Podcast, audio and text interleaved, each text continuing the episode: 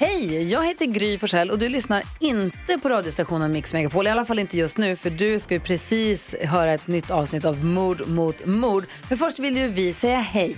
Hej, hej, det här är NyhetsJonas. Det här är Carolina Widerström. Och här är Gullige Dansken. Ja, och så Gry då. Och det vi vill säga att när du har lyssnat klart på den här podden, då får du gärna lyssna på våran. Vi spelar in ett nytt avsnitt varje morgon av våra podd Kvartsamtal. Och hela radioprogrammet blir ju också en podd om man är väldigt morgontrött eller så. Just det, om man missar morgonen ja. Men mest av allt så får du gärna lyssna på programmet i direktsändning varje morgon på Mix Megapol. Live varje morgon från klockan sex och då har vi med oss massor med vänner också. Thomas Bodström, Babben Larsson, Johan Pettersson, Christian Luuk. Massor med coola människor som bara dyker upp och gör livet bättre. Ja, som jag, Gullige Dansken. Exakt så. Och så mycket bra musik och annat skoj såklart. Så vi hörs när du vaknar på Mix Megapol. Podplay.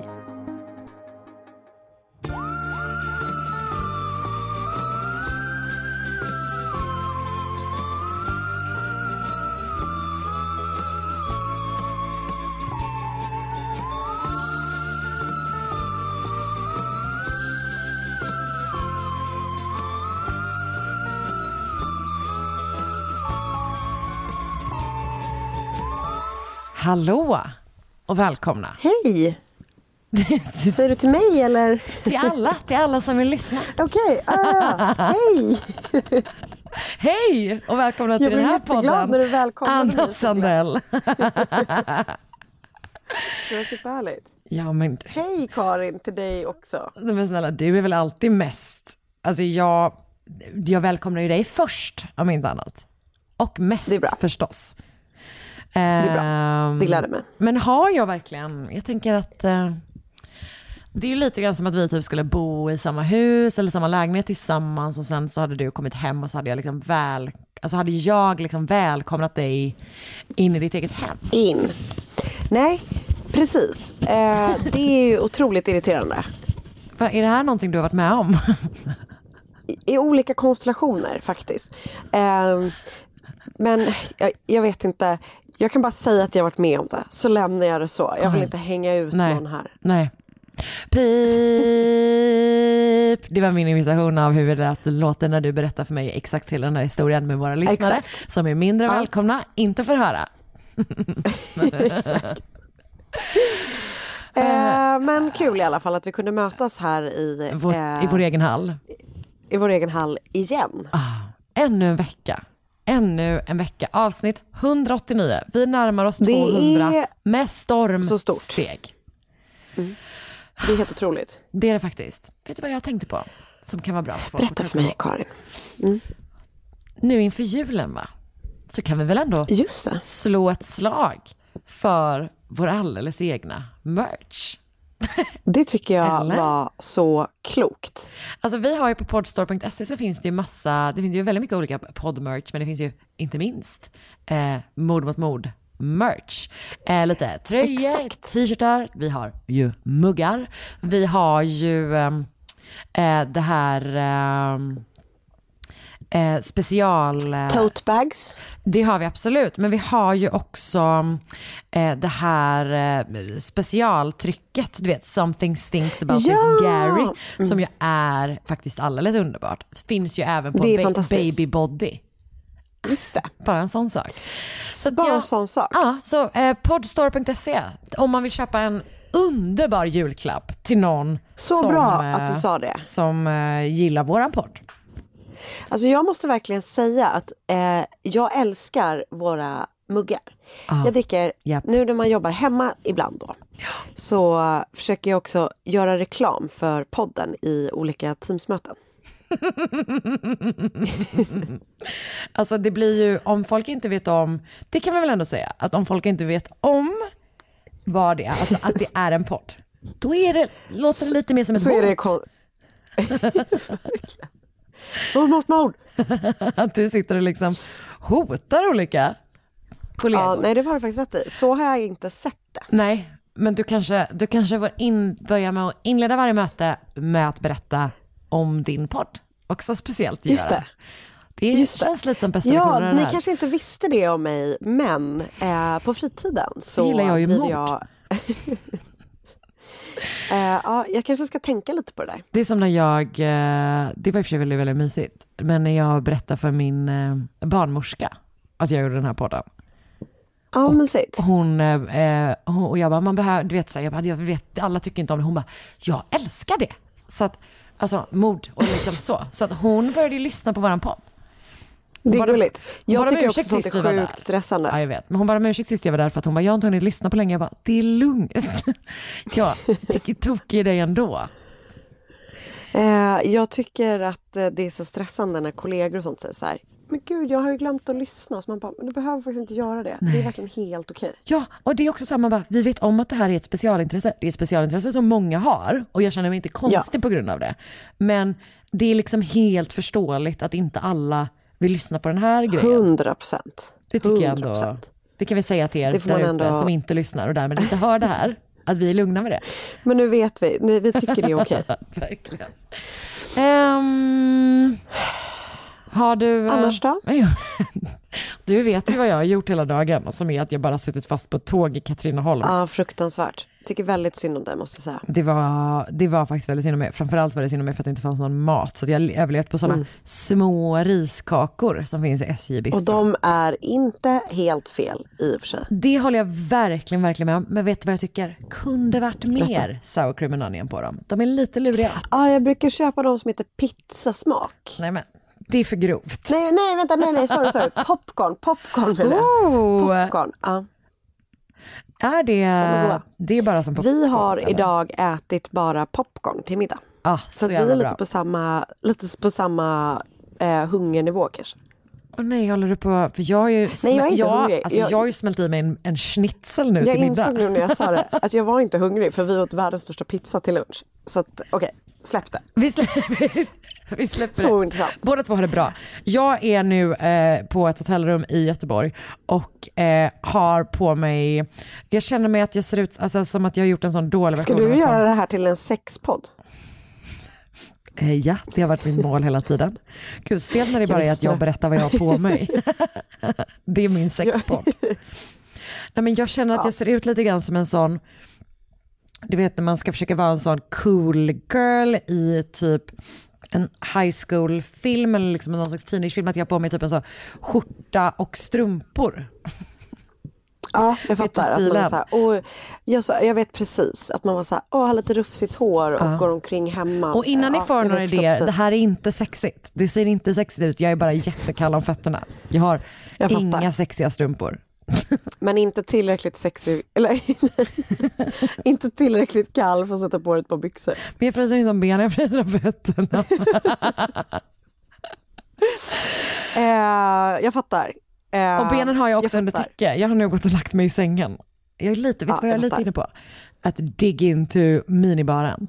Inte kanske för, alltså, inte ens för alkoholen, bara för snacksen. Gör det. Jag backar dig i det beslutet. Okej, bra. Eh, har du eh, läst eller lyssnat på något härligt? Har jag det? Eller sett? Eh, jag har, eh, nej jag kan inte påstå att jag har det. D- dålig. Nej. Fan, jag känner mig dålig. Har jag, nej alltså, vad har jag ens kollat på? Har jag kollat på någonting? Nej, jag har vet inte, inte. det. Nej, jag har inte jag, det. Har du det? Jag kan berätta att an, ja, jag- anledningen till att jag ville, eh, sju, liksom, när du skrev att du var redo för att, att höras nu så sa jag kan vi höras som den tiden vi sa först fast jag egentligen, ja, så var det för att det här är egentligen ingen ny, men jag, för mig är den det. Då, eftersom jag precis har sett den. Så har vi sett eh, Filthy Rich. Eh, om Jeffrey Epstein Ja, just det. på Netflix. Netflix. Och eh, jävlar alltså vad upprörd man blir.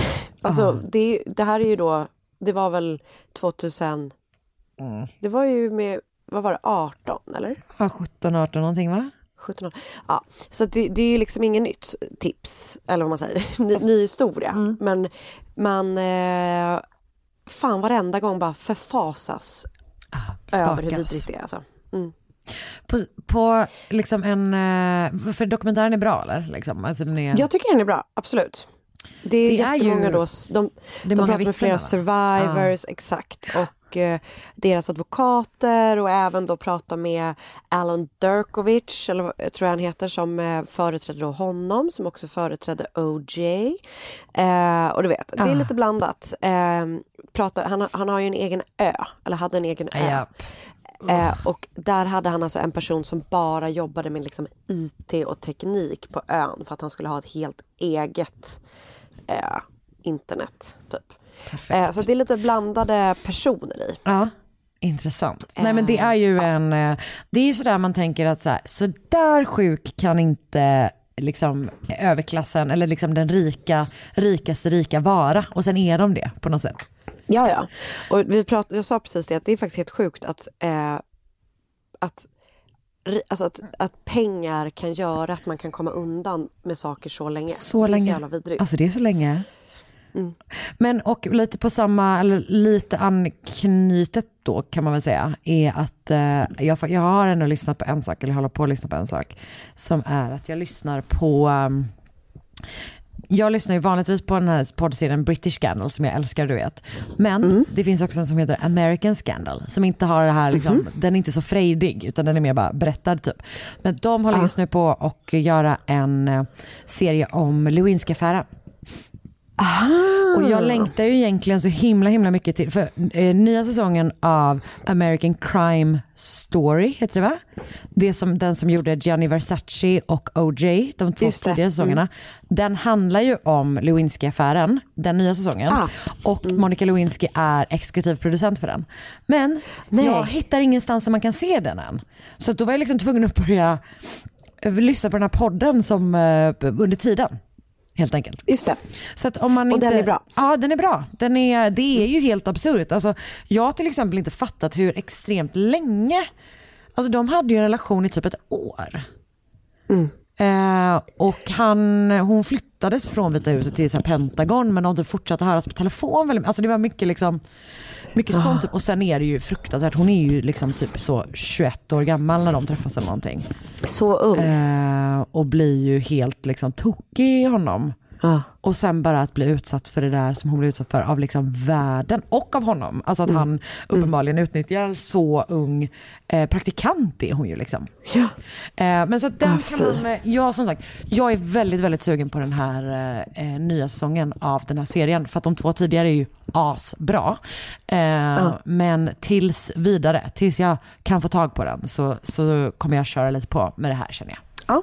Snyggt. Så det finns typ tre avsnitt ute nu och jag tror att det kommer ett till.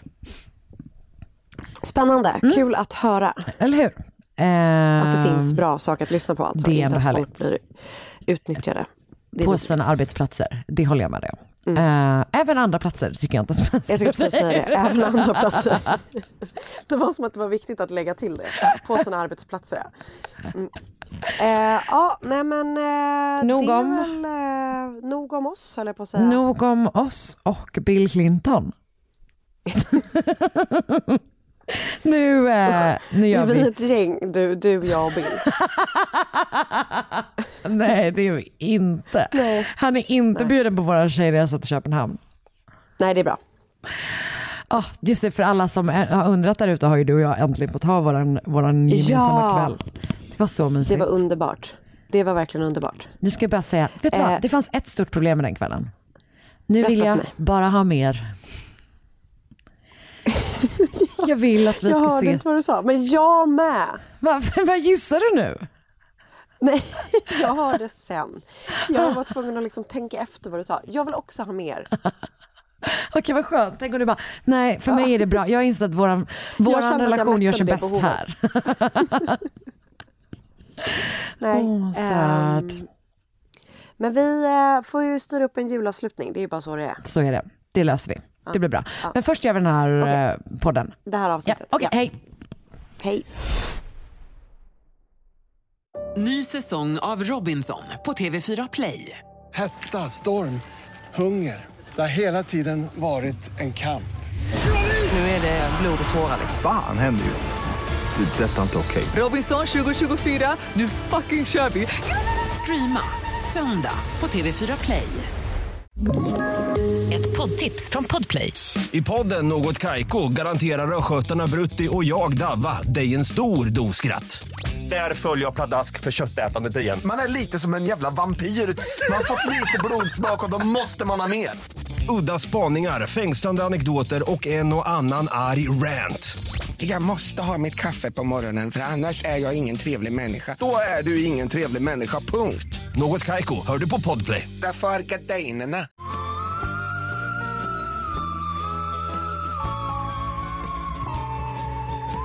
Joanne Miller föds den 4 juni 1930 och växer upp på en stor gård som odlar frukt. Eh, den ligger i Louisiana och där bor hon tillsammans med sin mamma, sin pappa och flera syskon. Vet inte hur många, men hon har flera stycken.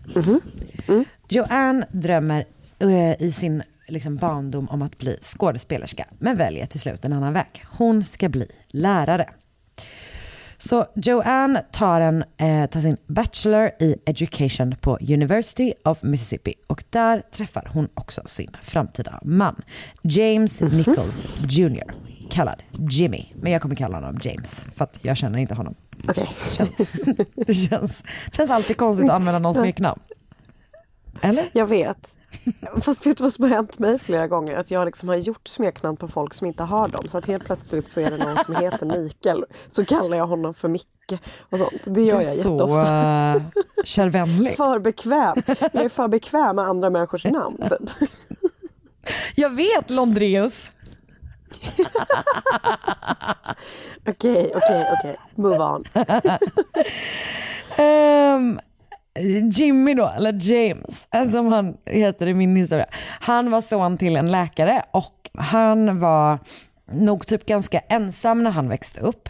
Han var sina föräldrars enda barn och var också typ så här, drog sig ganska mycket eh, liksom undan från sina klasskamrater så. Så han verkar ha haft en liksom lite annorlunda uppväxt jämfört med hennes. För jag upplever att hennes uppväxt har liksom varit i ett ganska så stort och så här, eh, levande familjesammanhang typ. Men han hade då i alla fall börjat plugga på University of Mississippi ett par år innan Joanne. Men pluggade också education och vad jag förstår så hade han börjat undervisa på skolan när de väl träffades. Jag tänker efter, undrar om det är så att hon helt enkelt blir kär i sin lärare. Jag vet inte. Skitsamma. Hur som helst blir de i alla fall kära i varandra och de gift sig och de flyttar sen till Missouri. Och det verkar som att James initialt vill bli lärare han också då, men istället så börjar han sälja försäkringar och sen får han ett jobb på IBM. Och det jobbet gör att Joanne och James till slut bosätter sig i Poughkeepsie som ju ligger i New York State. Och Där de- även Chandler bodde en period. Exakt. Alltså, man har man inte en så stark relation till Poughkeepsie bara för att, är det inte typ att han har distansförhållande med någon där? Jo, Att han Nej, han, han flyttade dit och Monica, är, de, han är ju ihop eller gift med Monica. Nej, nej, nej, du då. tänker på när han är i Tulsa typ. Det är någon som åker ja, tåg från ja. Poughkeepsie. Ehm, Just okej jag blandar ihop. det skulle kunna vara någon av de andra personerna också. Ja. Ja. Okej, jag tänkte på Skitsamma, Tulsa. någon i Okej. vänner är i Poughkeepsie. Och för det är också verkligen, verkligen, jag har också en jättestark vännerkoppling. Det är uppenbarligen det enda jag har till, nu, till Poughkeepsie. Och uppenbarligen inte var den inte så stark. Eftersom jag inte vet vad som hände där eller med vem. Hur som helst. Eh, det ligger i alla fall i New York State. Och de bor då där och de får en son som de döper till James Nichols the third. Så att, alltså, han heter alltså James Nichols Jr. döpt efter sin pappa. Och sen får han en son som han döper efter sig själv. Då. Men sonen kallas för Ticker. Okej. Ja. Och det är ett smeknamn som jag kommer använda eftersom eh, det blir så himla förvirrat om alla heter James. Ehm, Smart. Joanne är en typisk Southern Belle. Alltså hon är så väldigt varm och väldigt liksom härlig och inbjudande. Och folk som träffar henne tycker liksom om henne väldigt mycket direkt. Och hon är väldigt religiös och när de bosätter sig i Poughkeepsie så tar hon med sig en del av sin så Louisiana tradition och är med och startar en baptistkyrka eh, i Poughkeepsie som hon går till.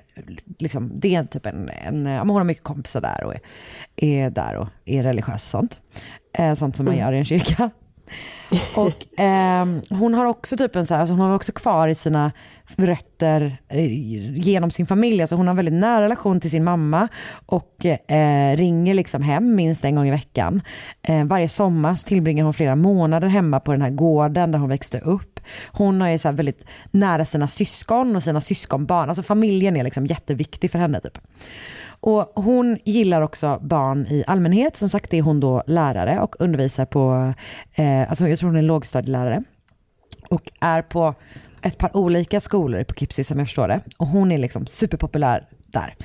En urgullig grej som hon har gjort är att in till hennes klassrum, alltså har hon rullat ut en eh, röd matta.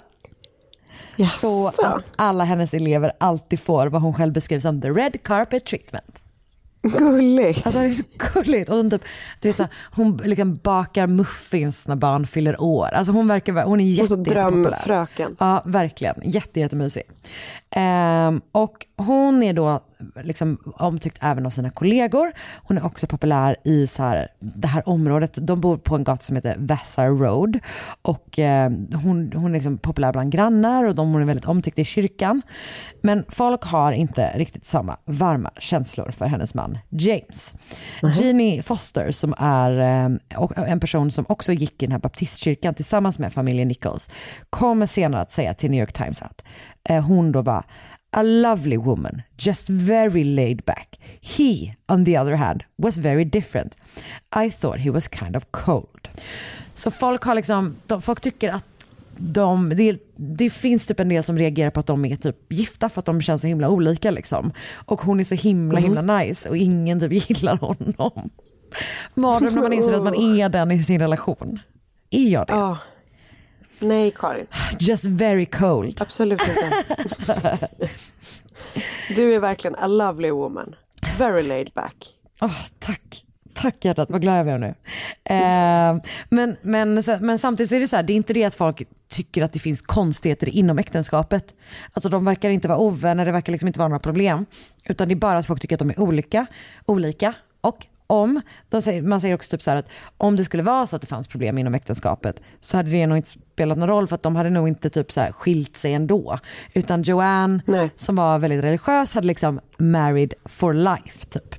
Men det finns en grej som är, eh, Joanne då inte tycker är toppen med sin man och det är att han är en hoarder. Så, alltså hon älskar visserligen typ så böcker och typ fyller på deras hus rätt bra med det. Eh, men han är mer en sån, han är delvis liksom en samlare. Alltså han typ samlar på allt från så kameror till krigsmemorabilia, typ vapen. Han har typ jättemånga gräsklippare. Det här är typ tidigt 80-tal och de har liksom flera, flera datorer.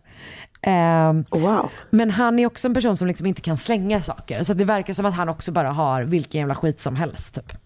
Jag fattar. Min, min skräckperson att bo med. Ja det hade nog inte passat dig så bra. Jag är ju lite grann där. alltså att jag bor med en hoarder. Men jag tycker, jag, jag Nej, tycker du ju är om, inte det. Jag tycker ju liksom, eh, där vi är nu, så måste jag säga att jag är väldigt, liksom, jag tycker väldigt mycket om eh, Marcus grejer. Han har många grejer. Ja, det, det är det är plottrigt hemma hos oss. Men det gillar jag. Vänta tills han kommer dragandes med sin första dammsugare höll jag på att säga, gräsklippare. On-brand också inte äga en dammsugare. Men har han inte det? Jo, det är klart vi har. Vad fan. Men jag vet inte. Vad skulle vi annars ha?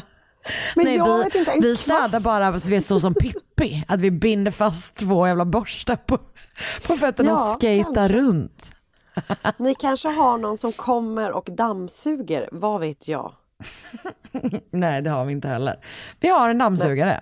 Den funkar sådär Ja, för vi är inte så bra på att byta påse till den. Ja, skitsamma, det är en Nej. annan, det är en annan Mm, väldigt, okej. väldigt tråkig podd. Eh, jo, de har också två stycken amfibiebilar. Alltså sådana som kan gå på både Okej, land och coolt. vatten. Riktigt coolt. Eh, jag vet, så jäkla coolt. Det är kul att man tycker att det är så coolt. Alltså det är något, eh, det är något så himla basic med att tycka att, men jag tycker verkligen också att det är så himla himla coolt. Eh, De har två. Det är sjukt fascinerande. Ehm, men nu kommer det bli sorgligt. För att det är då så att Ticker, eh, sonen, eller James the third, han verkar också varit liksom lite sådär intresserad av kanske typ teknik som sin pappa. Han har också en utbildning inom education, men i början av 80-talet så har han påbörjat en master i computer science. Men tyvärr kommer han aldrig hinna avsluta den utbildningen utan 1982 så har han tagit med sig en av de här amfibiebilarna till en sjö i Mississippi. Och på något sätt så ramlar han ur bilen och drunknar. Men gud. Och jag vet inte om det är så att du vet att han ramlar ur och typ slår i huvudet och tuppar av eller någonting. Men, men han liksom, eh, han dör när han är ute med en av de här bilarna typ. Eh, och han blir då bara 25 år gammal. Och det är ju liksom ett fruktansvärt slag mot den här familjen. Och Joanne eh, blir liksom väldigt deprimerad efter att hennes son har eh, dött helt enkelt. Och hon säger då att det eh, till en av sina vänner att det inte direkt blir bättre eller lättare att hantera förlusten av sin son med tanke på att James då ställt amfibiebilen som Ticker föll av i deras trädgård. Så inte ens då kan han göra sig av med den. Utan den liksom står där och bara påminner om den här enorma, enorma sorgen typ. Men nu hoppar vi fram tre år i tiden till julen 1985. För den 20 december så är Joanne och James ute och äter med vänner på Ground Round Grill and Bar i Poughkeepsie. Och eh, förmid- förmiddagen efter så åker James till affären för att köpa hundmat till parets två golden retrievers. Och när han kommer hem så är Joanne borta. Och när han inser att hon aldrig, alltså hon hade typ en frisörtid, eh, hon hade en klipptid bokad den förmiddagen. Men när han inser att hon aldrig dök upp till den så blir han jätteorolig och ringer polisen och anmäler henne saknad.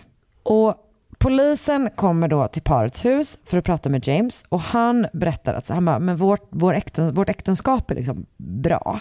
Eh, men Joanne har varit väldigt deprimerad sedan Ticker dog tre år tidigare.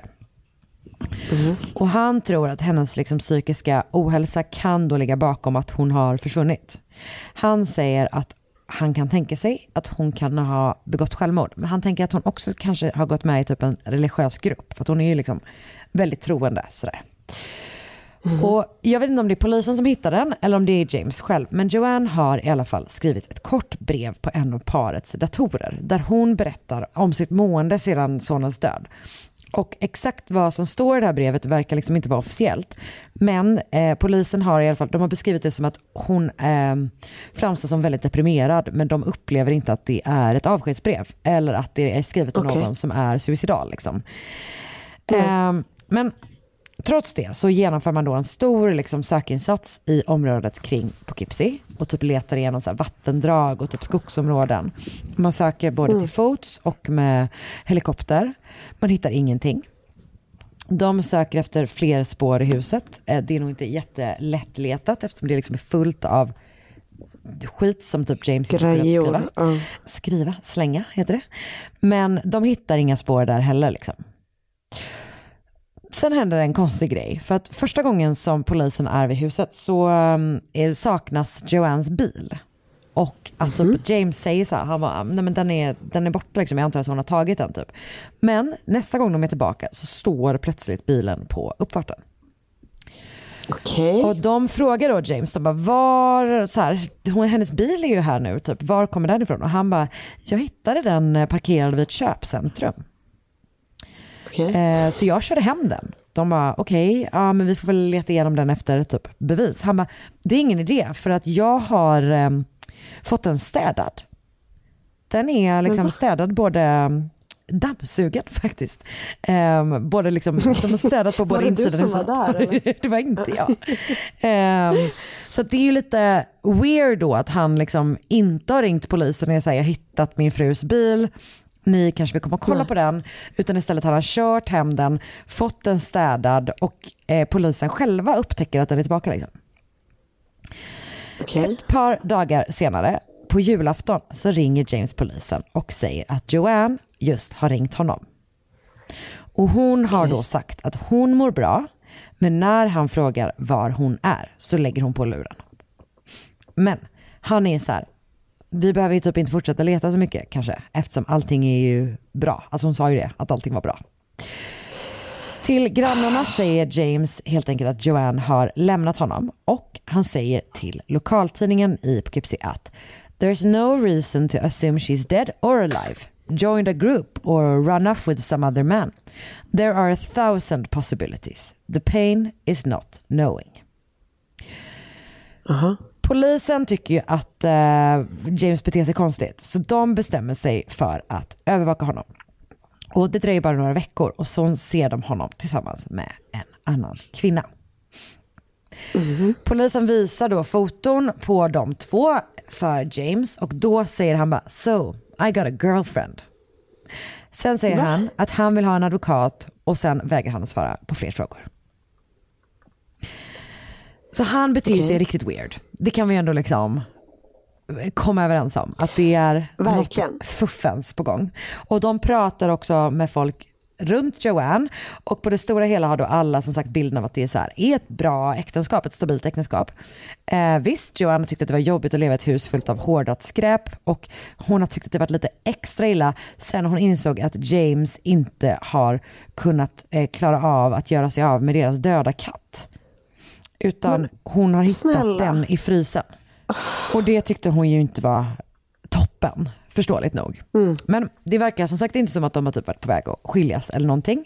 Trots då att de också har hanterat liksom, sorgen efter sin son på lite olika sätt och hon har verkligen varit, mått jätte, jättedåligt. Men som sagt, folk i deras närhet tycker liksom inte att de passar ihop eftersom Joanne är toppen och James inte alls är det. Eh, delvis tycker folk liksom att han är då som sagt typ kall och sådär. Men han är också elak, han har märklig humor. Han verkar tycka om att skapa dålig stämning, a.k.a. min värsta sorts person. Alltså verkligen. Han gör också lite konstiga grejer. Typ att han så här, när de flyttar in i området så typ går han hem till folk. Alltså han knackar inte på utan han bara går in och är så här, hallå jag är din nya granne, kliver rakt på. Eh, ytterligare en sak som jag tycker låter fruktansvärd. Eh, men han kör också runt i sin bil med en skyltdocka sittande i framsätet. Läskigt. Han eh, verkar också trivas väldigt bra i sin bil just för att han sitter väldigt ofta på typ garageuppfarten i sin bil och typ läser tidningen eller bara stirrar rakt ut och det tycker folk är lite weird. Eh, en av grannarna kommer på honom med att fota henne med en av sina hårdare kameror när hon står på en stege och målar sitt hus. Va? Det Vadå? är ju, alltså ja, hon typ står och målar. Under kjolen typ. Alltså, det står liksom inte explicit att det är det som händer, men det låter ju onekligen som det. För att det är typ på en stege. Alltså, Ja. jag tror inte att han står rakt under henne. Men du fattar, liksom. Ja. Det är inte toppen. Eh, och en annan, eh, kanske ännu märkligare grej. Eh, Jag vill verkligen inte eh, minimera att det är jätte, jätte obehagligt. Det, han, det jag precis sa att han gjorde. Men vid ett tillfälle så ber en annan granne honom att hjälpa henne med en ekorre som hon av någon outgrundlig anledning vill ha bort från sin tomt. Det förstår jag inte. Älskar ekorrar. Eh, och man kan inte jag styra dem. Nej, Men, ge upp. Den bo, nu, är, det- nu, är, nu är det här ekorrens tomt. Du bor inte här nu längre. Eh, Men det han gör då, när hon är så här, hej kan du typ hjälpa mig att få bort den här ekorren? Då går han och hämtar en yxa. Nej. Och sen slår han ihjäl den här ekorren med yxan framför så här, kvarterets barn. Men sluta. Så han är ju inte toppen som sagt. Men trots då, alltså liksom alla de här sakerna och alla de här eh, indikationerna på att någonting kanske var lite fel med James. Så eh, hittar man liksom inga tecken på att han då kan ha gjort något för att få Joanne att försvinna. Man misstänker att det är så, men man hittar liksom inga leads på det. De, men de hittar heller inga spår som tyder på att hon är någon annanstans. Du vet, hennes så kort har aldrig använts och, och, och sådär. Liksom. Nej. Eh, men fallet blir då helt enkelt superkallt och polisen slutar liksom utreda det. Joannes familj har ju liksom ingen aning om vad som har hänt henne och de anställer då en privatdetektiv för att fortsätta leta.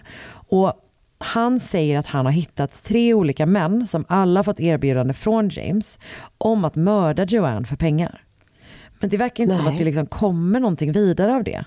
Eh, så att det liksom blir ingenting med det. Och till slut då har familjen Miller lagt 150 000 dollar på liksom egna utredningar som inte har resulterat i någonting.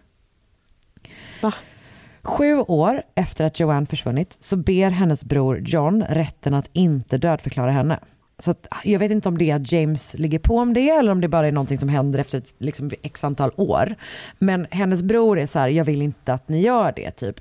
Vi vill typ fortfarande tro att hon finns någonstans. Liksom. Och det gör då att James inte kan sälja deras hus. Utan han blir kvar i samma område, i samma hus, där grannarna misstänker att han då har mördat sin fru och kommit undan med det. Och huset blir ju bara mer och mer liksom överfullt av saker. Det blir mer och mer smutsigt, det börjar typ mögla, trädgården växer igen och grannarna ser då James allt mindre. Han drar sig verkligen undan och blir väldigt, väldigt ensam. Han är i den här baptistkyrkan typ några gånger per år, eller du vet sådär, de kommande typ 20 åren typ efter att hon har dött. Eller efter att hon Mm. har försvunnit. Men han slutar gå dit 2008 då han har ombetts att sluta säga rasistiska saker om Barack Obama. Då slutar han gå dit. Han bara, mm, great man, fantastic man. Ehm, så att efter det så verkar det som att typ ingen har kontakt med honom. Liksom. Så fyra år senare, Okej. den 27 december 2012, så nästan på dagen 27 år efter att Joanne försvunnit, så ringer en av hans grannar polisen för att be dem göra en sån welfare check hos James. För hon har då inte sett till honom på flera dagar. Och Okej. när de går in i huset så hittar de James död i sin fåtölj. Han blev 82 år gammal och dog av naturliga orsaker. Och han har liksom under de senaste nästan 30 åren levt så isolerad och liksom varit så ensam att typ, och dessutom blivit illa omtyckt. Liksom. Så att det är ingen som verkar liksom vilja känna honom i döden heller. Utan polisen lyckas spåra upp två anhöriga men de har inte möjlighet eller intresse av att typ ta sig an hans bohag. Så det gör liksom att allting typ drar ut på tiden. Men ett halvår efter hans död, så sommaren 2013, så har en städfirma fått uppdraget att städa ur det totala kaoset som är James Nichols hus. Och när de jobbar igenom källaren stöter de på en märklig vägg som låter Nu är jag ihålig rädd. när de knackar på den. Nej. Så de river ner den här väggen. Och innanför så hittar de en stor typ plasttunna. Och i tunnan så hittar de en stor soppåse. Och i den här soppåsen så hittar de ett skelett. Som rättsmedicinska undersökningar och tankkort kommer att visa är Joanne. Skämtar du? Man kan då se på kraniet att Joanne har dött av ett kraftigt slag mot skallen. Och kroppen har, eh, verkar liksom ha styckats innan den placerats i soppåsen i tunnan och sen alltså byggts in i en vägg. Jävlar. Så James har liksom mördat sin fru och sen levt nästan 30 år med hennes kropp i väggen. Fy. I det här huset. Och Jag orkar inte. Exakt vad som har hänt kommer man ju liksom aldrig veta för att han berättade aldrig någonting för någon uppenbarligen. Men i en artikel från New York Times har de intervjuat Joannes bror Johns son. Randy Miller som fortsatte typ så här efter att hans pappa dog så typ fortsatte han liksom ligga på polisen och typ om, alltså du vet för att visa att hon inte var bortglömd liksom. Eh, men han kommer då eh, i ehm, den här New York Times artikeln så säger han till den här journalisten att Maybe this isn't a Christian thing to say, but I do get satisfaction out of the fact that he died alone and surrounded by nothing but junk. It sounds like he was right where he should have been, miserable and living in filth.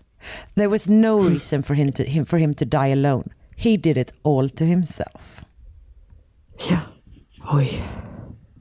Hur sjukt? Starkt. Ja. Alltså hur just här att leva ett helt liv, att mörda någon Nej, och så sen liksom inte gå, alltså att inte, att fortsätta vara i det på något sätt. Liksom. Mm. Men å andra sidan, vad skulle han göra? Typ, han kunde ju typ inte flytta därifrån. För att då visste han ju om att de skulle Nej. hitta det. Så att han blir ju liksom fånge i sin egna Han kunde inte ha mördat sin fru. Alltså 100 procent. Det hade ju verkligen varit, eh, verkligen varit det rimliga. Men, men, men just att det är så här, han måste verkligen blivit fånge i, sin egna, i sitt egna skapade helvete typ. Ja, för fan. Och den här... Riktigt onajs. Riktigt, det är verkligen, verkligen sant. Och den här New York Times-artikeln är då min huvudsakliga källa. Den är skriven av Vivienne J och har rubriken In Cluttered Home, a dark secret three decades old. Och sen har jag också läst en artikel av redaktionen på CBS News med rubriken Joanne Nichols found. Remains in wall of home I did as New York woman missing since 85. Jonathan Dinst för NBC New York med rubriken After woman's remains found. Detective recalls, recalls suspicious husband. Och så har jag lyssnat på podcasten The Crime Time Pods, 19 avsnitt, där de bland annat avhandlar Joanne Nichols försvinnande. Okej. Oh, så var det med det. Tack Karin. Folk måste sluta gömma... trist och sorgligt. Men folk måste också, det är pff, det här med att liksom lägga in folk i väggar. Vad fan. Nej, det är inget bra. Nej, det är inget bra. Ja, Nej. så var det med det. Så var det med det. Tack för eh, att du berättade om det. Det var sorgligt. Ja, det var det. Ny säsong av Robinson på TV4 Play. Hetta, storm, hunger. Det har hela tiden varit en kamp. Nu är det blod och tårar. Fan händer just nu. Det. är Detta är inte okej. Robinson 2024, nu fucking kör vi! Streama söndag på TV4 Play. Ett poddtips från Podplay. I podden Något Kaiko garanterar östgötarna Brutti och jag, Davva, dig en stor dos skratt. Där följer jag pladask för köttätandet igen. Man är lite som en jävla vampyr. Man har fått lite blodsmak och då måste man ha mer. Udda spaningar, fängslande anekdoter och en och annan arg rant.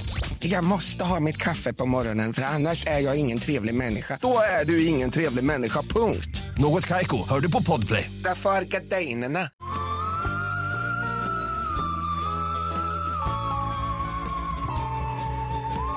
Lördagen den 17 oktober 2015 var Sasha Samsudin ute med ett gäng kompisar och festade på klubben The Attic som ligger downtown Orlando och som beskrivs som att den erbjuder one of the coolest party spots in Orlando. Det tyckte jag var nice. Wow. Och innan det så har de varit och kollat på en fotbollsmatch där Sashas favoritlag har vunnit. Så det är liksom festlig stämning. När klockan var halv ett så kommer Sasha fram till sin kompis Anthony och säger att hon ska sticka. Men att de ses som de har bestämt till brunch dagen efter. Eh, inget konstigt med det. De brukade ofta eh, skiljas åt när de var ute. För som man vet så har man ju ibland olika intentioner med en kväll ute på nattklubb. När hon då har lämnat The Attic så är hon berusad. Och när hon kommer ut ur klubben så är det några killar som typ eh, ger sig ut ur en taxi och börjar ragga på henne. Du vet sådär sådana störiga eh, sådana störigt killgäng verkar det som att de vet så här, ger sig på, inte ger sig på henne men du vet att de är såhär hey where you going? De Typ är så. på henne. Exakt. Så att då är det två helt främmande tjejer som ser det och är så här, det där ser inte så nice ut och hon ser typ ut som att hon har druckit så vi hjälper henne liksom att Bra. komma ur det där. Så de går fram till henne och är så här, vi vill gärna hjälpa dig att liksom komma in i en taxi typ. Du kan få dela Uber med oss så kan vi liksom köra dig hem på vägen. Så, Tjejer. eh, ja, väldigt fint. Sen tycker jag att man inte ska åka taxi med främlingar. Men det är en annan grej. Men ändå tjejer. Mm, jag håller med. Okej, för det lät som att du inte höll med. Jag är ambivalent då, så kan man väl säga. Men, men Eh. vi måste väl ändå säga att det är ju jättefint att och rimligt och bra åt. att reagera när Alltså, någon verkligen. ser någon i en utsatt situation. Absolut. Det kan, inte, det det kan du inte rätt. säga emot. Det säger jag absolut inte emot. Och det är klart att man förmodligen kan dela taxi med två underbara tjejer som har hjälpt en. Ja. det här är jättefint. Det är verkligen så bara. Ja. Bra. Helt rätt agerat av de här tjejerna. Eh, så att de sätter sig de tre eh, i en Uber och sen så kör de hem till Sashas lägenhetshus som heter Uptown Apartments men som jag tror eh, ligger också i downtown Orlando fastän det heter så. Och när de då kommer fram så visar det sig att hon har glömt koden in och det verkar som att huset har liksom kodlås, alltså både in genom portar men också in i lägenheterna. Och hon har då glömt sin kod. Åh, vilken Och- ångest. Ja, så störigt. Och eh, hon, har heller inte, hon har inte heller med sig sitt ID-kort. Liksom. Eh, så de står där utanför och bara okej, okay, kommer inte, hon kommer inte in i sitt hus. Fett jobbigt, vad gör vi nu typ? Och då kommer en säkerhetsvakt som arbetar i huset fram till porten. Och de här tjejerna då som har hjälpt Sasha komma hem är typ så här snälla släpp in henne, liksom. hon bor här. Och då är han bara så, nej, utan att hon kan identifiera sig och utan en kod så kan jag tyvärr inte släppa in henne för då kan inte jag liksom säkerställa att hon bor i huset. Så står de där liksom och tjatar och de är så här, kan du inte i alla fall släppa in henne och bara få sova i lobbyn? Liksom, hon behöver, Ah, alltså, hon behöver liksom in. få sova typ. Mm. Till slut så kommer det i alla fall en granne eh, och då lyckas Sasha liksom smita in med honom i huset. Och då så sticker tjejerna därifrån för då är de så här, okej men nu är hon inne i alla fall så Mm. då, då löser det väl sig. Typ. Men så söndagen då, dagen efter, när Anthony, den här killen som kompisen som hon var med på klubben och några andra kompisar sitter på den här brunchen som jag, de hade liksom bestämt. Och det verkar som att de också brukade ses på min nyfunna favoritrestaurang i USA, Chick-fil-A. Så dyker eh, hon inte upp. Sasha dyker inte upp liksom, på brunchen. Så de liksom ringer, skickar sms, skriver på typ Insta och Facebook och det är massa sådana saker. Men hon svarar inte. Vilket alla då reagerar på för att hon är då en sån person som alltid har telefonen. Du vet typ som att jag kan bli orolig när du inte svarar för Mm. att jag vet att du alltid svarar inom 10 sekunder. Typ. Japp. Eh, och, eh, så hon svarar inte. Så att de är bara så här, vad fan liksom, vad, vi behöver åka hem och se att, hon, att allt är okej. liksom. Mm. Så de åker till Uptown Apartments och de ser att hennes bil är parkerad där utanför huset. Men när de då går upp till lägenheten så eh, är det ingen som öppnar när de knackar på. Så de blir då fett stressade. Så de börjar då först typ ringa runt till andra kompisar, ringer runt till, typ, till slut till olika sjukhus och också till så här häkten typ. Eller du vet, typ så, du vet, kollar om hon har hamnat i en fyllecell. fyllecell, verkar ja. som. Ja. Ja, exakt. Ehm, men ingen vet vad hon, eller liksom det är ingen som har sett eller du vet, hon, hon är ingenstans. Så då bestämmer de sig för att anmäla Sasha försvunnen hos polisen. Så bara lite kort om vem Sasha är då är. Hon är 2015 27 år gammal, vilket ju var typ ens bästa år i livet, tänker jag. Det var så bra ålder. Hon bor då i Orlando i Florida och hon beskrivs av sina vänner som så här glad, sprudlande, väldigt, väldigt utåtriktad och du vet så här. Mm. ehm, hon, eh, liksom, ja, hon är väldigt, en väldigt social och öppen person. Mm. Hon arbetar på ett fastighetsbolag där hon ansvarar för eh, deras sociala medier, medier. Och hon arbetade liksom både Liksom, hon var sjukt duktig på sitt jobb och hon arbetade hårt och mycket och har varit så här, var en jätteuppskattad eh, kollega. Och eh, utöver då att hon arbetade mycket så tyckte hon om att typ, så här, gå ut och festa med sina kompisar och hon liksom gillade att gå på nya restauranger, gå på nya barer. Du vet. Hon, liksom, Mm. hon levde verkligen ett eh, ganska högt tempo tycker jag det låter då som ligger hemma och pillar i naveln typ varje kväll. Så ha- hade hon ett väldigt så här, ett aktivt liv. Men det hade du också när du var 27? Det hade jag kanske. Mm, det Jag tror jag. hoppas det. Det hade du. Ja, bra, tack. Ehm, så polisen sätter då liksom igång eh, arbetet med då att försöka hitta Sasha. Så de kommer till Uptown Apartments för att gå igenom hennes lägenhet. Och eh, när en av poliserna går in i Sashas sovrum så gör de en hemsk upptäckt. För ut ur under täcket så sticker det fram eh, hår och en arm. Och det visar sig då att det är Sasha som ligger där under täcket och hon har typ en sönderriven t-shirt på sig.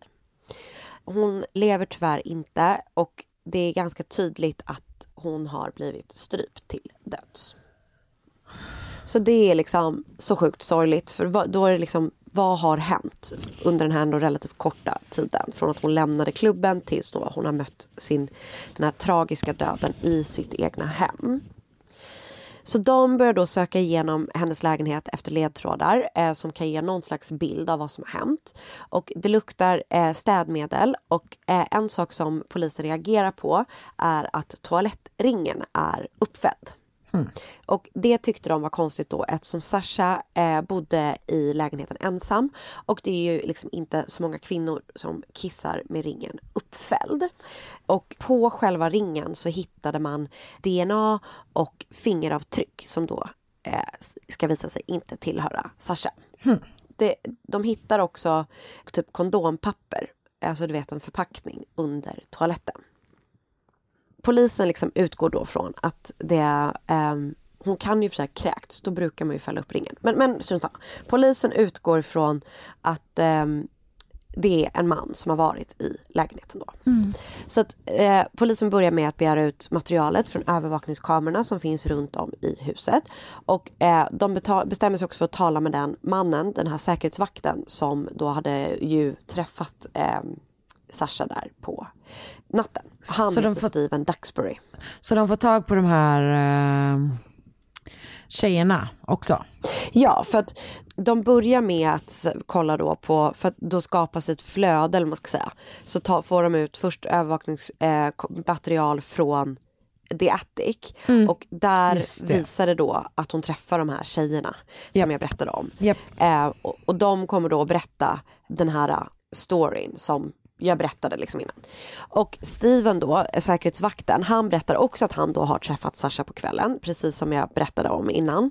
Han säger då att hon var berusad och hade försökt komma in och han berättar då att eh, han vid något tillfälle där under kvällen innan hon har då lyckats smita in. Jag, jag vet inte, det är lite konstigt så här händelseförloppet men han har gått med henne till hennes bil för att se om hon kan hitta typ Någon sitt ID eller någonting? Eller du Ah, vet, okej. någonting där. Men att då, sen har hon smitit in och då vet han inte så här. Vet, han vet inte med vem eller med hur och du vet sådär. Så, så det berättar han och tjejerna berättar den här historien. Sen går de då igenom eh, materialet från Uptown Apartments och där kan man då se Sasha ungefär kvart i två. Då har hon då kommit in i huset och då är hon på väg eh, till sin lägenhet. Och i den bilden så är det en man med. Och det, det visar sig vara en granne. Och jag tror att man kan höra, eller om de typ lyckas läsa på läpparna du vet, i kameran, att han frågar typ så här, är du okej liksom? Och då säger hon bara ja, och sen skiljs de åt och så syns han inte igen. 20 minuter senare så dyker hon upp i en annan kamera ensam och då hon har typ bytt till flip-flop du vet när hon har varit på väg hem så man hör bara hur hon typ så här går omkring liksom i korridorerna. Och sen 20 minuter senare igen, alltså fem i halv tre, dyker hon upp i en tredje kamera och då är hon inte ensam längre utan då är hon i sällskap med Steven Duxbury, den här säkerhetsvakten. Och vi, videon visar då hur de liksom går fram och tillbaka till garaget som jag tolkar det. Och det är ju precis det som han har berättat att ja. de hade gjort också. Mm. Och så de liksom kollar materialet från hela den natten. Och det sista de ser då eh, 6.36 på morgonen är att Steven Duxbury går ut med två soppåsar på morgonen. Och sen är liksom övervakningsmaterialet slut från den natten eller vad man ska säga. Ah. Så polisen jobbar ju liksom på att försöka så här smalna av vilka det är, eller vem det är som har mördat eh, Sasha. Och två personer blir misstänkta eh, liksom initialt för att eh, de har varit ihop med henne. Eller haft liksom en, någon typ av relation med henne. Och det, jag lä, liksom, strypning är ju ett crime of passion. Så därför låg det liksom, och pojkvänner eh, är ju ofta liksom misstänkta. Så att eh, de här ex-pojkvännerna då, Taylor och Ben, blir misstänkta. Eh, och de liksom tas in till förhör och jag berättade ju att det både hade funnits eh, fingeravtryck och DNA på den här toa-ringen. Eh, så de, liksom, de tas in på förhör och så DNA-svabbas de och testar fingeravtryck. Så, eh, och in, de, de matchar inte helt enkelt. Så att, eh, och de har typ alibi och du vet, så här, det, är inte de. De kan Nej. avskrivas liksom direkt typ. Eh, så polisen är lite så, ja okej, vem kan det vara då? Så de tycker att den här säkerhetsvakten Steven är då lite intressant eftersom eh, han har varit i huset, han har träffat Sasha eh, och så är det också för det han säger själv då i förhör att han har lämnat Uptown Apartments klockan sex på morgonen när hans skift slutade. Men som jag ju berättade så syntes ju han en dryg halvtimme efter klockan sex, alltså typ fem över halv sju, när Mm. han gick ut med soporna. Och det tyckte de också var konstigt för att liksom, hans roll som säkerhetsvakt där innefattar ju inte att bära ut sopor, Sopor. till eh, liksom, de som bor i huset. Nej. Det som också blir då lite aha är att soporna som han tog ut, alltså soppåsarna som han tog ut, eh, var i, eh, de var eh, svarta sopsäckar med röda handtag. Eh, och sådana påsar hade de hittat i Sashas lägenhet. Japp. Så de har ju förhört honom redan en gång eh, och det finns då helt klart luckor i hans berättelser. Så de ber honom komma in igen för att liksom de ska kunna göra ett andra förhör och också göra ett eh, lögndetektortest och ta hans DNA-test. Under förhöret, eller under det här lögndetektortestet, så gör maskinen markeringar, eh, eller vad man ska säga, liksom sådana pulspåslagsmarkeringar. När han får frågor om huruvida han har varit i Sashas lägenhet. De ställer också frågor om hur hon har dött, men det är ju liksom ingen som vet det, för det har polisen inte gått ut med. Du vet, så här.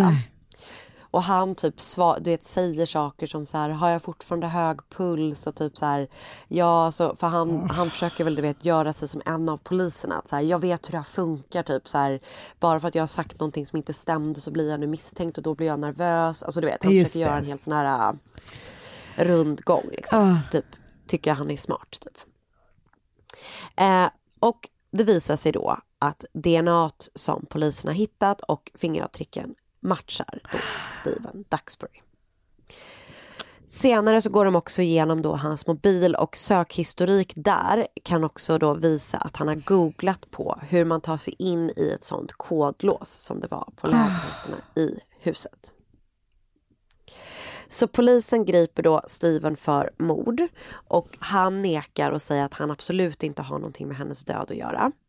Han berättar då, liksom, först då, när han blir gripen, att han faktiskt har sett Sasha bli jagad av en man i huset den här kvällen. Men att han inte kände igen mannen och han kan heller inte riktigt beskriva honom på något bra sätt. Nej. Men han då är så här, det måste vara den mannen ni letar efter, det måste vara den mannen som har mördat henne. Typ.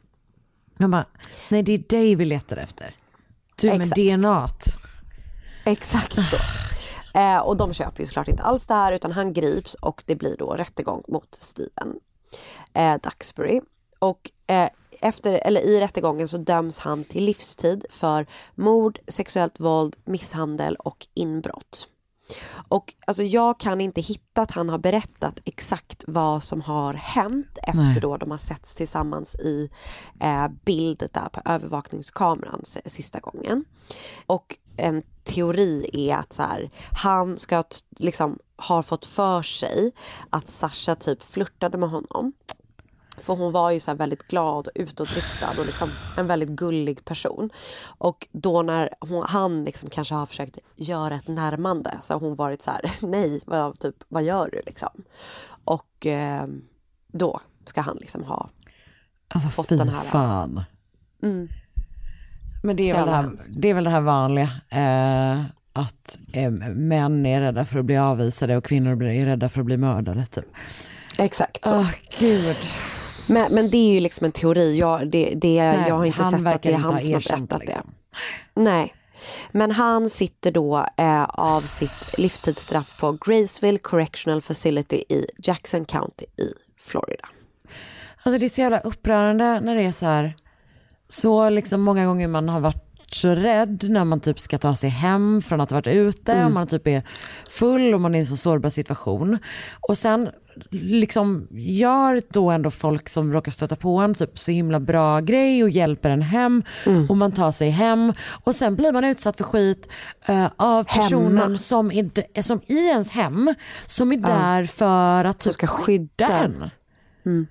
Nej, jag Alltså vet. det är liksom just det här eh, Det är superdeprimerande att man liksom inte får vara säker någonstans. Liksom. Nej, det är vidrigt. Åh fy fan vad hemskt. Det är verkligen så jäkla sorgligt. Eh. Ja. Ja, Det är så jäkla hemskt. Hon ville bara, hon var bara ute med sina kompisar och sen skulle hon bara hem och vara lite packad Mm. typ. Mm. Nej, man kan eh, typ inte greppa det.